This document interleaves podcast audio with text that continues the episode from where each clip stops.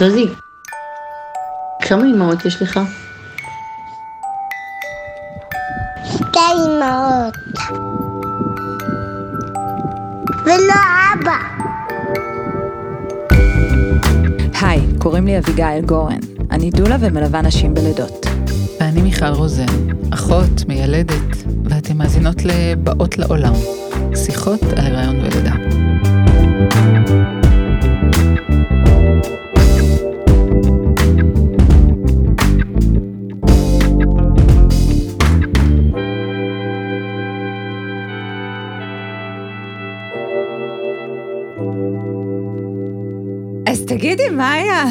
כן, יקרה.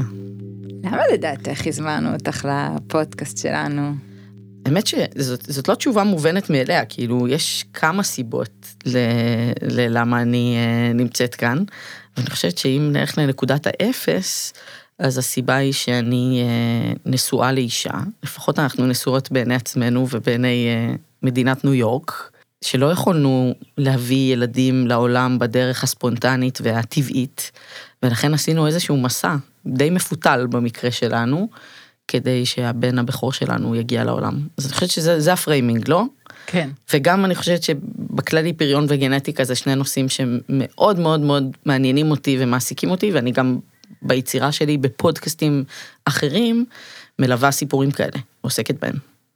אז למי שלא מכירה אותך, אז את מאיה קוסובר, את אשת רדיו, מראיינת, עורכת, מלמדת רדיו, ואפשר להגיד שאת אחת מהחלוצות בתחום של הפודקאסטים בארץ, בשבילנו לפחות, את מנטורית. זה, זה השלב שבו לא רואים ברדיו שאני מסמיקה.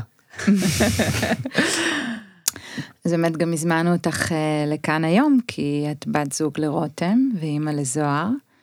ואם רגע ניתן את הכותרת, אז בגדול הפרק היום על זוג אמהות וטכנולוגיות של פריון. נשמע מאוד פשוט, ועכשיו ככה נתחיל אה, להבין עד כמה זה יותר מורכב. אז אה, אני חושבת שכדי להבין כמה זה יותר מורכב, כדאי לחזור לספר שנמצא ממש כאן איתנו באולפן, הוא ספר תכלת שהכותרת שלו היא כיצד באים תינוקות לעולם, וכשהייתי ילדה קטנה ממש ממש אהבתי שההורים שלי מרדימים אותי. אה, עם הספר הזה, כי הוא באמת, הוא, כל הפלא הזה, כל פלא הבריאה מתואר בו. זה מתורגם? מי כתב את זה? בוא בוא נראה. ניתן קרדיט לדבר המופלא הזה. הנריו אס אנדרי וסטיבן, Mm, וכתוב בעיטורים, העיטורים נורא נורא יפים, כתוב עיטור נייר מפוסל, בלייק המפטון. אה, כן, זה ספר מדהים. אה, אבל הוא באמת אה, נכון לאייטיז, כאילו, שאז באמת, כילדה, אני זוכרת את הפלא הזה של ביצית וזרע, ומה יוצא מהגופים האלה, ואיך זה נפגש, ומה קורה שם בפנים, זה היה הקסם הכי גדול, וזה פשוט, שום דבר מזה לא רלוונטי לאופן שבו אני הבאתי את בני בכורי לעולם. רחוק. אז רגע, עוד לפני ההיריון, אני קראתי שהכרת את אה, רותם אה, במכינה קדם צבאית, והבנת שהיא תהיה המשפחה שלך. קראת נכון, היינו הנשים הראשונות אה, אחת של השנייה, והכרנו ביפו במכינת תלם למנהיגות. התאהבנו מאוד מאוד, זה היה לא מובן מאליו לאף אחד מאיתנו, אבל החלטנו להמר על ההתאהבות הזאת, והפכנו להיות זוג ואז משפחה. בהתחלה גם היו תגובות לא פשוטות להחלטה הזאתי, אבל אה, בדיעבד, אני חושבת שזו כאילו ההחלטה הכי אמיצה וטובה אה, שעשיתי, שעשינו. תגידי, איך זוג נשים מביא ילדים לעולם בישראל 2021? הכי היה בא לי להגיד לך כזה, כמו שעונים לילדים, את כזה, אימא ואימא נכנסות מתחת לשמיכה, ואז הן מתחבקות. אבל זה לא. ככה. זה קורה עם מלא מלא התערבויות, אה, בדרך כלל עם... אה, בליווי של אה, הממסד הרפואי. וזה, יש המון תחנות בדרך, אז אני חושבת שכאילו התחנה הראשונה זה להחליט מי המשתתפים הפעילים בדבר הזה, או המשתתפות הפעילות בדבר הזה. אם יש הורות משותפת, או אם זה תרומת זרע, אם זו תרומת זרע אנונימית, או אם זה זרע שאפשר בבוא היום אה, לגלות מי האדם שעומד אה, מאחוריו, אם זה זרע מהארץ או זרע מחו"ל, זה המון המון המון החלטות שמצד אחד הן גם רגשיות, ומצד שני, יש בהן איזשהו אלמנט שהוא כמעט קפיטליסטי, שקשור לשוק ולתנאי שוק, ולעולם ה outsourcing, האינטרנט והגלובליזציה, וזה מאוד מאוד מבלבל בהתחלה. ואת כל זה אתן מבינות כבר שם, או שזה רק אחר כך את מבינה את זה? אני חושבת שיש אה, שתי נקודות משמעותיות בזמן שאני יודעת לצייר אותן. נקודה אחת זה כשרותם ואני רק איזה חודשיים ביחד, ואנחנו צעירות. אה, אני אז בת 25, ורותם בת 20 נגיד, וכי זה ממש תחילת הקשר, ואנחנו צועדות על חוף הים בקיסריה באיזה ערב, אז אני אומרת לה, יהיו לנו ילדים? כי זה מאוד מטריד אותי אם יהיו לנו ילדים. והיא אומרת לי, ברור שיהיו לנו. אמרתי, כן, אבל אני גם נשאית של הגן הזה והחירשות הזה, אמרתי, יהיו לנו. ו- וזו תמונה אחת שיש לי, ותמונה שנייה שיש לי, זה כשאנחנו כבר מחליטות לצלול לתוך העולם הזה ומתחילות להיפגש עם נשים, וכל אחת מספרת לנו איזה סיפור משוגע, מה עבר עליה, ומאיפה היא קנתה את הזרע, או באיזו הורות משותפת היא עשתה את זה. ואז אני אומרת, אוקיי, יוסטון, אה, נכנסנו לתחקיר עיתונאי, וצריך להתחיל להבין מה, מה המסלול שלנו בתוך זה. אני חושבת שכל אחת גם משליכה כמובן מהפסיכולוגיה שלה ומהחיים שלה על הדבר הזה שהוא השלישי, החסר כאן. כאילו, האבא, הזרע, אה, הדמות הזאת. ואני רואה את זה גם בקרב חברות שלנו, לסביות, שכל אחת מתייחסת אחרת לאלמנט הזה. אז אצלנו נגיד היה מאוד מאוד ברור שאנחנו רוצות אה, תרומת זרע, ולא עוד בן אדם שיהיה חלק פעיל במערכת מהמערכת. היחסים ההורית. וכל הנושא של אנונימי או לא אנונימי, בהתחלה לא מאוד העסיק אותנו. כי אמרנו כאילו, יש היעדר, אנחנו לא נמחק את ההיעדר הזה, אנחנו נחיה איתו ועם היש, עם מה שיש לנו לתת כאימהות. אז זה זה הצעד הראשון, כאילו, בדרך שלנו. אבל אם אתן רוצות לעבור תחנה-תחנה, אז תגידו. אני גם אשמח אם תתני לנו ככה תחנה-תחנה, וגם, את הזכרת את זה קודם, ויש משהו ככה מתחת לפני השטח, אה, זה כל העניין הכלכלי. מהמם, ובחירת זרע, מהמם. דיברת על זה, זאת החלטה שהיא כבדת משקל, ויש לה תג מחיר. ויש נשים שבוחרות להביא זרע מחו"ל, אה, וזה גם קצת אה, הורות לנשים פריבילגיות, מהמם. נכון? בכלל, מה הקטע של להביא זרע מחו"ל? מה, מה לא טוב מה שיש לנו פה בארץ? לא, לא סחורה טובה? זאת שאלה נורא מצחיקה. באופן כללי, הדבר הזה, כאילו הזרע הזה, הוא סימן שאלה, מה הוא בעצם? הוא המטען הגנטי אה, ששותף לביצית שלך, שאיתו את תביאי ילד לעולם, ואני לא מוחקת את החשיבות שיש לגנטיקה, אבל מאוד מוגבל הידע שלך על הזרע הזה. אני חושבת שהנהייה הקפיטליסטית לזרע מחו"ל קשורה לניסיון לדעת יותר. או לפחות אצלנו היא קשורה לניסיון הזה לדעת יותר, ואני אפרט. קודם כל, אחלה, זרע ישראלי זה אחלה, חומר טוב, משובח. אה, כש, כשביקרנו בבנק הזרע באסף הרופא, ראינו את, אה, את הצעירים שיוצאים מתרומה. אה, כי בארץ זה פשוט כל כך לא אנונימי, כל התהליך הזה. המסלולים הם כאלה. זרע ישראלי הוא זרע שהעלות שלו היא כ-500 שקלים, משהו כזה. נכון ללפני כמה שנים כשעשינו את זה, אני לא יודעת כמה זה עולה היום. ומה שאת יודעת זה פרטים מאוד מאוד יבשים ומעט פרטים. את יודעת אה, מוצא, את יודעת גובה, את יודעת אה, צבע עיניים, אה, את יודעת בטייטל כאילו מה הבן אדם עושה בחיים, וזהו פחות או יותר. אם יש איזושהי, איזשהו עניין גנטי, אז את יודעת גם נשאות למחלות כאלה ואחרות. ואצלנו היו שני דברים שמאוד רצינו לדעת. אחד רצינו לדעת קצת מי זה הבן אדם הזה. מה הוא, כאילו, מי הוא? מה התחום העניין שלו? מה הוא עושה בחיים? איך הוא נשמע? אני עובדת ברדיו, ממש רציתי לשמוע את הקול של הבן אדם הזה.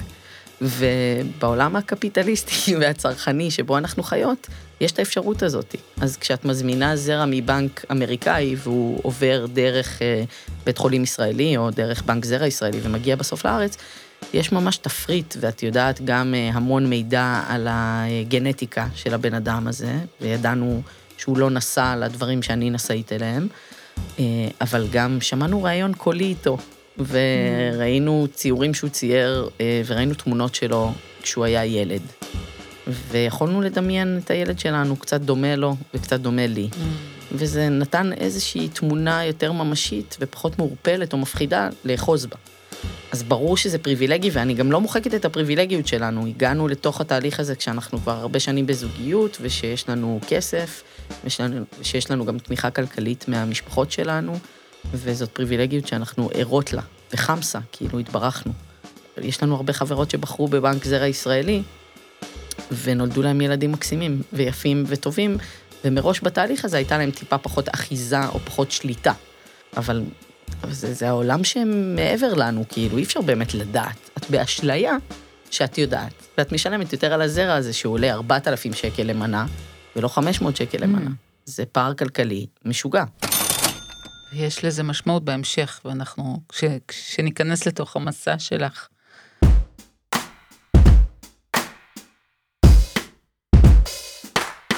מגיעות אלייך עכשיו אה, זוג נשים בנות 23, רוצות ככה להבין על התהליך, כמה זה מורכב, בכלל ללמוד קצת על הבירוקרטיה, על...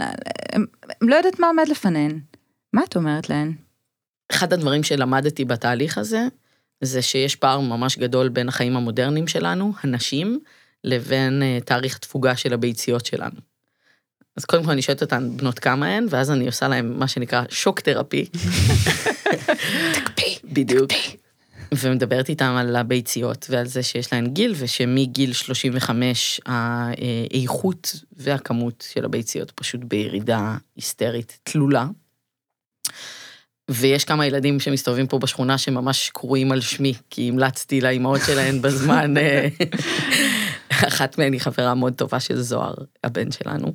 אז זה הדבר הראשון, ואני אדבר על זה מפוזיציה מאוד מאוד נשית וחברית, אבל אני מרגישה שעברתי את זה בעצמי, זאת אומרת, אני התחלתי את התהליך הזה כשהייתי בת 32, וסיימתי את התהליך הזה, כאילו זוהר נולד כשהייתי בת 36, זה היו שלוש וחצי שנים.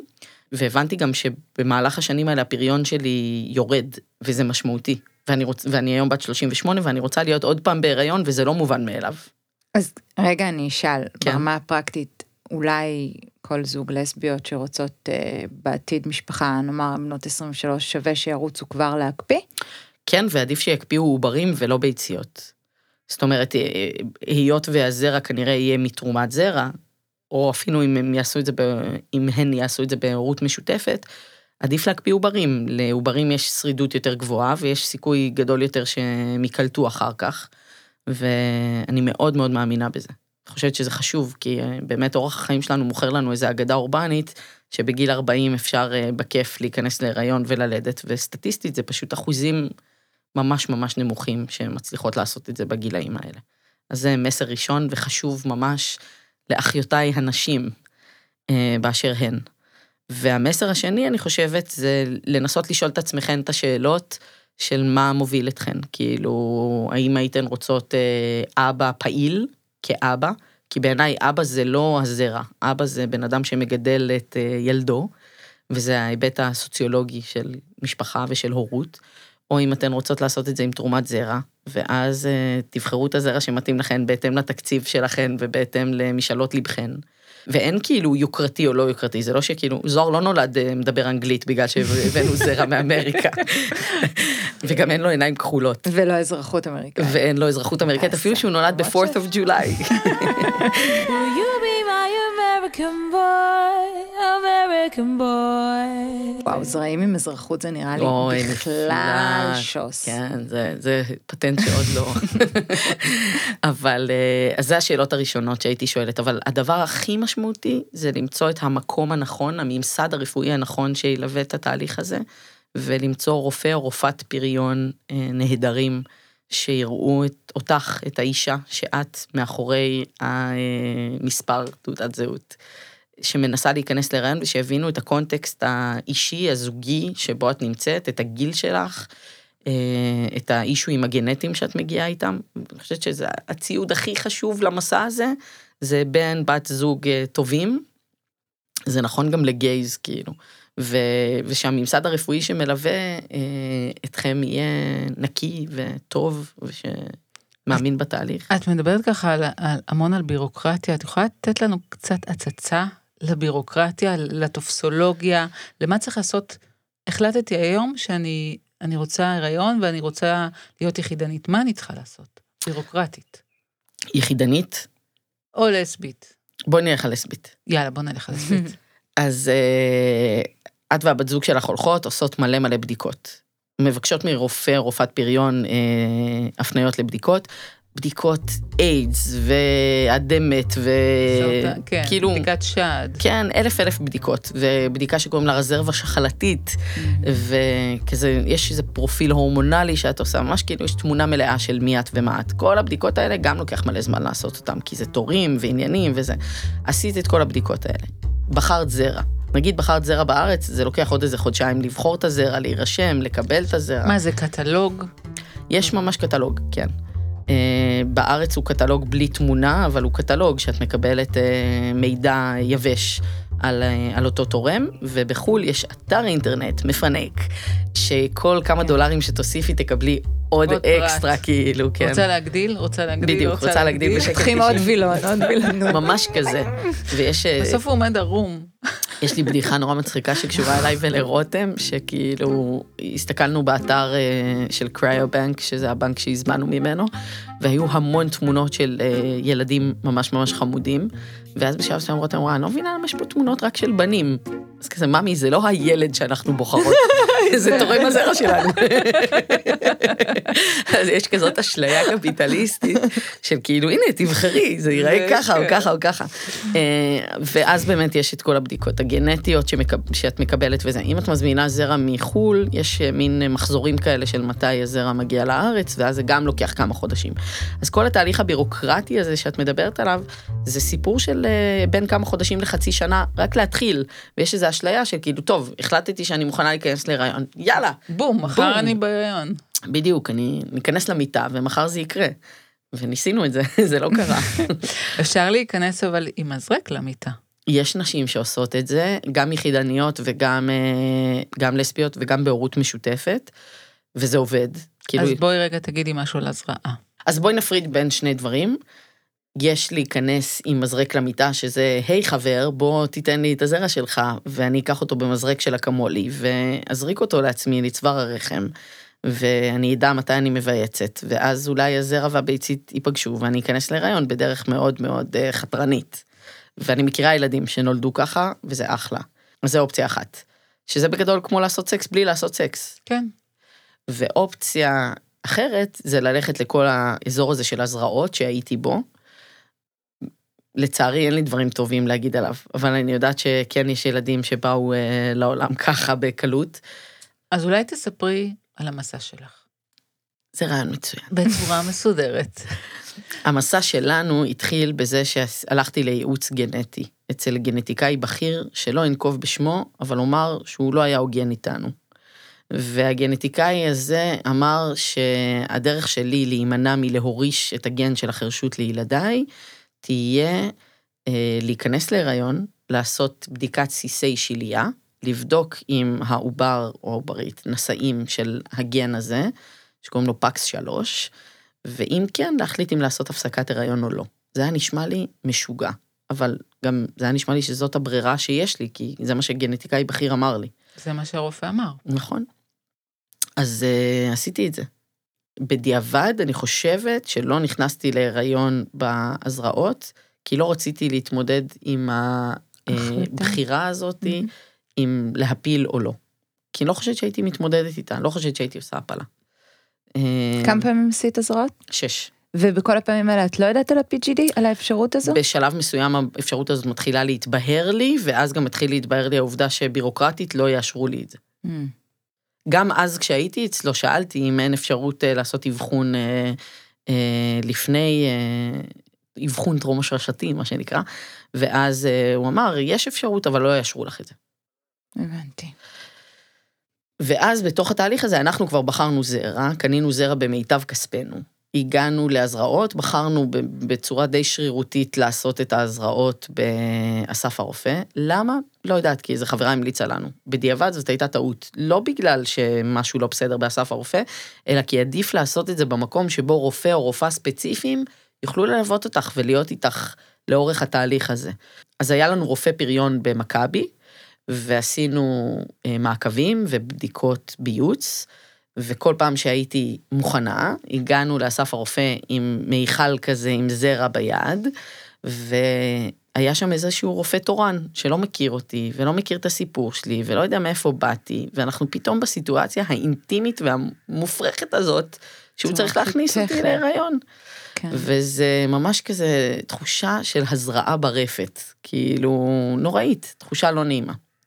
ולפעמים יש רופא נחמד, ולפעמים יש סתם רופא לא נחמד, ולפעמים יש רופא שאומר לך, את פספסת את הביוץ. וזה ביום שבו את שם עם הזרע. אז זה תחושות מאוד, אה, זה ממש רכבת הרים כזאתי. אה, ולי בראש כל הזמן יש קצ'ינג קצ'ינג. כן. כאילו כל זרע שאתה מבזבז, אתה יודע כמה הוא עולה. כן. כן, זה גם עניין כלכלי, כי באמת כל מנת זרע כזאת זה 4,000 שקל, ו... וזה כזה, וזה גם לא קורה. ואז זה לא קרה, לא קרה, לא קרה. בהתחלה גם הייתה לנו בדיחה כזאת, שרותם ואני בדרך לשם היינו שומעות כל מיני שירים יפים כאלה ומוזיקה אה, מנחמת כזאת של אה, בטח אנחנו בהיריון, ואחרי זה זה היה כזה כבר די, כאילו, זה לא קורה. ואז לפני ההזרעה החמישית לדעתי, כבר אמרתי לרופא הפריון שלי, תקשיב, אני לא רוצה יותר. אני גם רוצה לעבור ל-IVF ומנות זרע וכסף, אבל גם אני מאוד מאוד רוצה PGD, ואני רוצה להבין איך יאשרו לי את זה, כי מראש הפריזמה שלי היא דרך הדבר הזה. כאילו, אני רוצה למנוע את החרשות ב... בילדיי. רגע, רגע, אז בוא נעצור רגע. אמרת קודם PGD, אז אני עוצרת. את אה, בת לזוג הורים חרשים. את ירשת תסמונת בשם אה, תסמונת הטלטל הלבן, איך קוראים לה? ורדנבורג, ורדנבורג. זה על שם ההולנדי שגילה אותה. שזה אומר שיש לך טלטל לבן כמובן, את נולדת חירשת באוזן אחת, חוץ מזה שאת יושבת מולנו, עין אחת כחולה, עין אחת ירוקה, שזה מהמם. שזה ממש כמו דוד באוי, מאוד מיוחדת גנטית. יש לי גם זנב. ויש לך גם זנב, ואת לפני תהליך של הבאת ילד לעולם, מה קורה לך שם? קחי, קחי אותנו רגע, לרגע האחד המיוחד הזה. יש רגע אחד מאוד מיוחד, אני ממש עוד רגע אספר עליו, אני אגיד לפני זה שזאת איזה מין ידיעה שזה קיים בי, החרשות. אני לא שומעת באוזן אחת, אני בת להורים חרשים. אני יודעת ש, שיש בתוכי פצצה מתקתקת, שאני יכולה להוריש אותה לילדיי, ואני יודעת גם שיש היום את הטכנולוגיות שיכולות למנוע את זה, אה, כי כשההורים שלי אה, עשו אותנו, אז לא היו את הטכנולוגיות האלה, והם בעצם הימרו על איזה מין ילדים ייוולדו להם. ונולדו להם שני ילדים ששייכים לעולם השומע. וכל העיסוק בזה ממש מעלה שאלות בנוגע לזהות של אה, חרשים וחרשות. זאת אומרת, האם חרשות היא מגבלה או מום, שההורים שלי אגב תופסים אותה כמגבלה או מום, אבל היום בקרב צעירים אה, חרשים וחרשות זה נתפס כזהות. ובסוציולוגיה של הזהויות ובפוליטיקה של הזהויות, הרבה חרשים מגדירים את עצמם ואומרים, אנחנו לא מוגבלים, אנחנו אחרים, וזאת הזהות שלנו. אצל ההורים שלי, בבית שבו אנחנו גדלנו, זה יותר מוגדר דרך המגבלה או המום.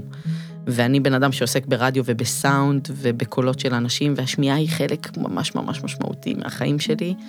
ככה גם מוזיקה וקולות, ומאוד מאוד רציתי שיהיו לי ילדים שיוכלו לשמוע, וזה פתאום לא היה מובן מאליו, או אף פעם לא היה מובן מאליו.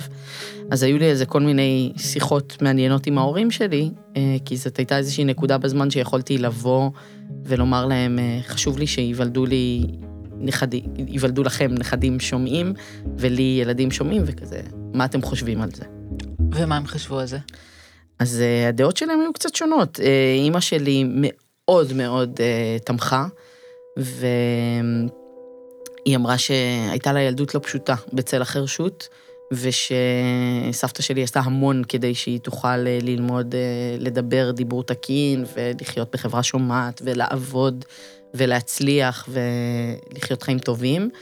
ושהיא חושבת שלהיות אימא של אה, ילד חירש או ילדה חירשת זה אפילו קשה יותר מלהיות ילדה חירשת בעצמך. והיא אמרה, אני ממש אתמוך בך כלכלית ואעזור לך בכל מה שצריך כדי אה, שזה יקרה. אצל אבא שלי זה היה יותר מורכב, היה יותר אה, דיאלוג סביב הזהות, והוא אמר, אה, הכי חשוב ילד בריא. ואז אמרתי לו, וחירש זה בריא או לא? אז הוא אמר, זה בריא. ואז אה, היה לנו ממש דיון על זה, אני חושבת שאצלו כאילו זה יותר מורכב, יותר פוליטי ויותר טעון. היום אגב, הוא וזוהר ביחסים אה, מטורפים. אה, אבא שלי זה הבן אדם שזוהר הכי אוהב בעולם, אחרי האימהות שלו. הוא מדבר שפת סימנים, והוא מאוד מחובר לחרשות שלהם, וגם לחרשות כזהות. אבל הוא יכול לשמוע, הוא יכול להיות בשני העולמות האלה. Let the children lose it. Let the children use it. Let all the children boogie. לא, אני חושבת על ההורים, שאיך פתאום את מגיעה אליהם עם העניין הזה, ומה זה מעלה בהם להיות הורים חרשים, ובטח כמה זה הכביד עלייך או לא הכביד, כמה זה ייצב אותה. קיצור, זה... כל זאת ועוד אפשר לשמוע בפרק שעשיתי על ההורים שלי, נכון. שקוראים לו אה, רדיו חזק, והוא נמצא בסיפור ישראלי, בפרק 21, שקוראים לו משפחה לא בוחרים. אבל איך הם ישמעו את זה? הם קראו את ה... פשוט את הם קראו את הטקסט, הטקסט, אוקיי. והם מאוד מאוד מנסים אה, לעקוב אחרי הדברים שאני עושה, למרות שמדי פעם אמא שלי אומרת לי, למה את לא עושה תוכניות בטלוויזיה כמו חיים אתגר, כמו, למה פודקאסטים? למה לא משהו את שנשמע? עוד תעשי תוכניות בטלוויזיה, אנחנו סומכים עלייך. אז, אז רגע, אנחנו ככה ממשיכות לתהליכים הרפואיים, מבינות שיש את האפשרות של ה-PGD, ואתם אה, נכנסות לתהליכים ככה רפואיים. יש בכל התהליך הזה איזה רגע מסוים שאת ככה, אפשר למסגר אותו? כן, זה רגע ממש יפה. עבדתי על אה, סיפור דוקומנטרי לרדיו, לתוכנית אה, בשם סיפור ישראלי, פודקאסט, שהייתי חלק ממנו. ואמרתי לכם כבר בהתחלה שפריון וגנטיקה זה נושאים שפשוט מדליקים אותי הכי בעולם, אז עשיתי סיפור ש...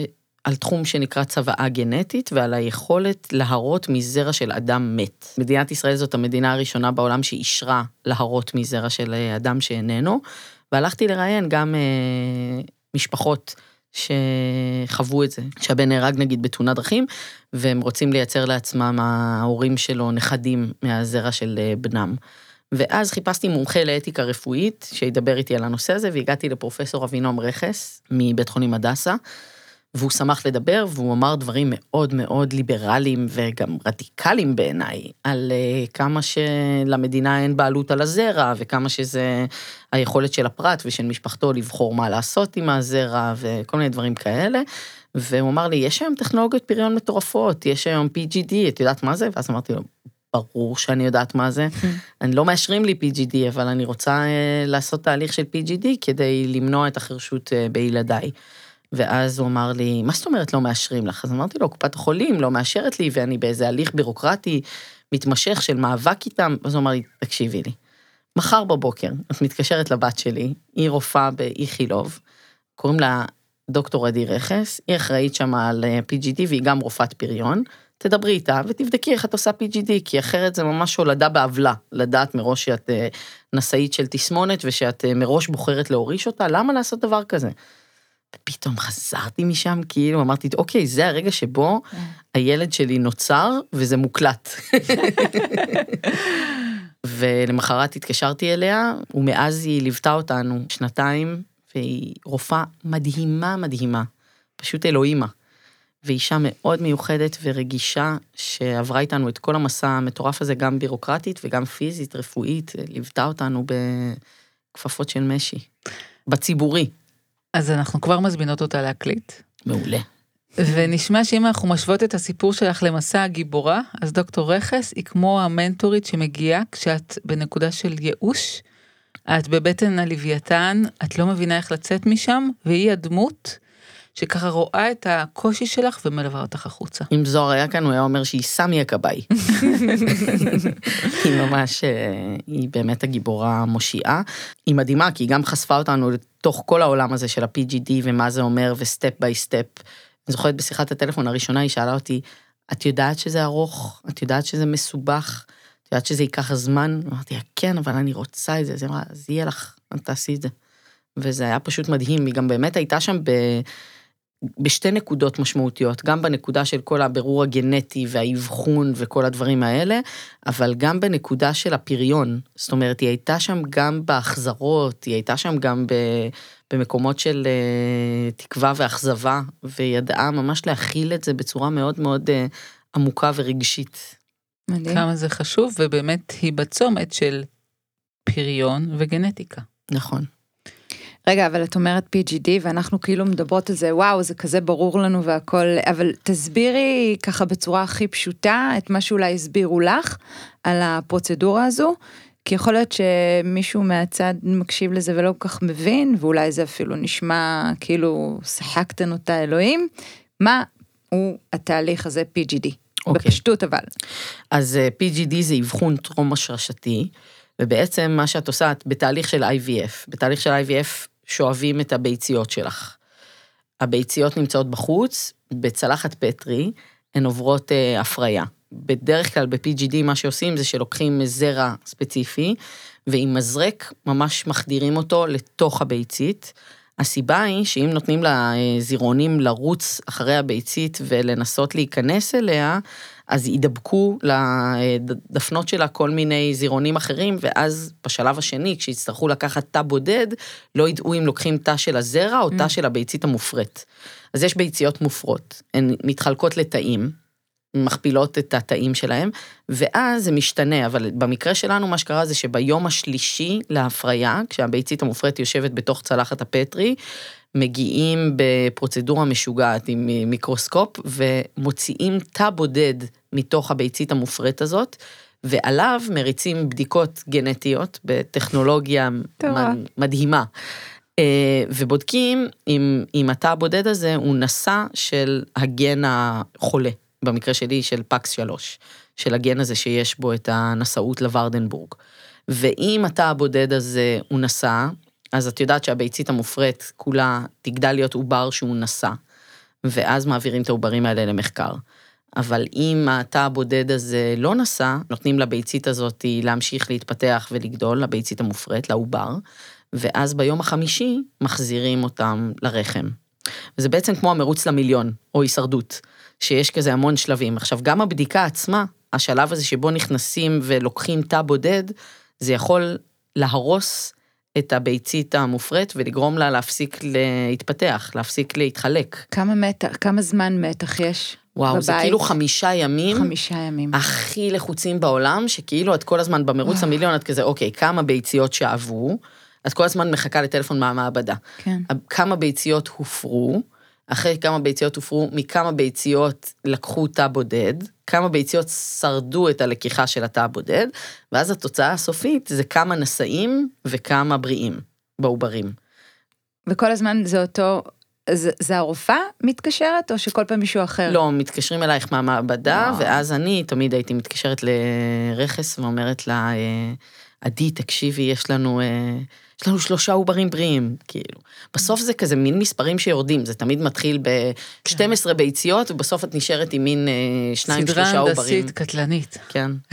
אה, שניים, כן. שלושה עוברים בריאים. זה מאוד, זה מאוד מאוד מתיש פיזית ונפשית, וגם את אחרי שאיבת ביציות, ואת בבית, ואת מפוצצת הורמונים, וכאילו... ונגיד שזה לא סוף הסיפור, כי עכשיו גם צריך שהעובר הזה ייכנס לרחם וייקלט, ימצא את וזו רק מקומו. ההתחלה. נכון. זאת רק ההתחלה. עד כאן החלק הראשון של הפרק הכפול, מוזמנות להמשיך להאזין לנו.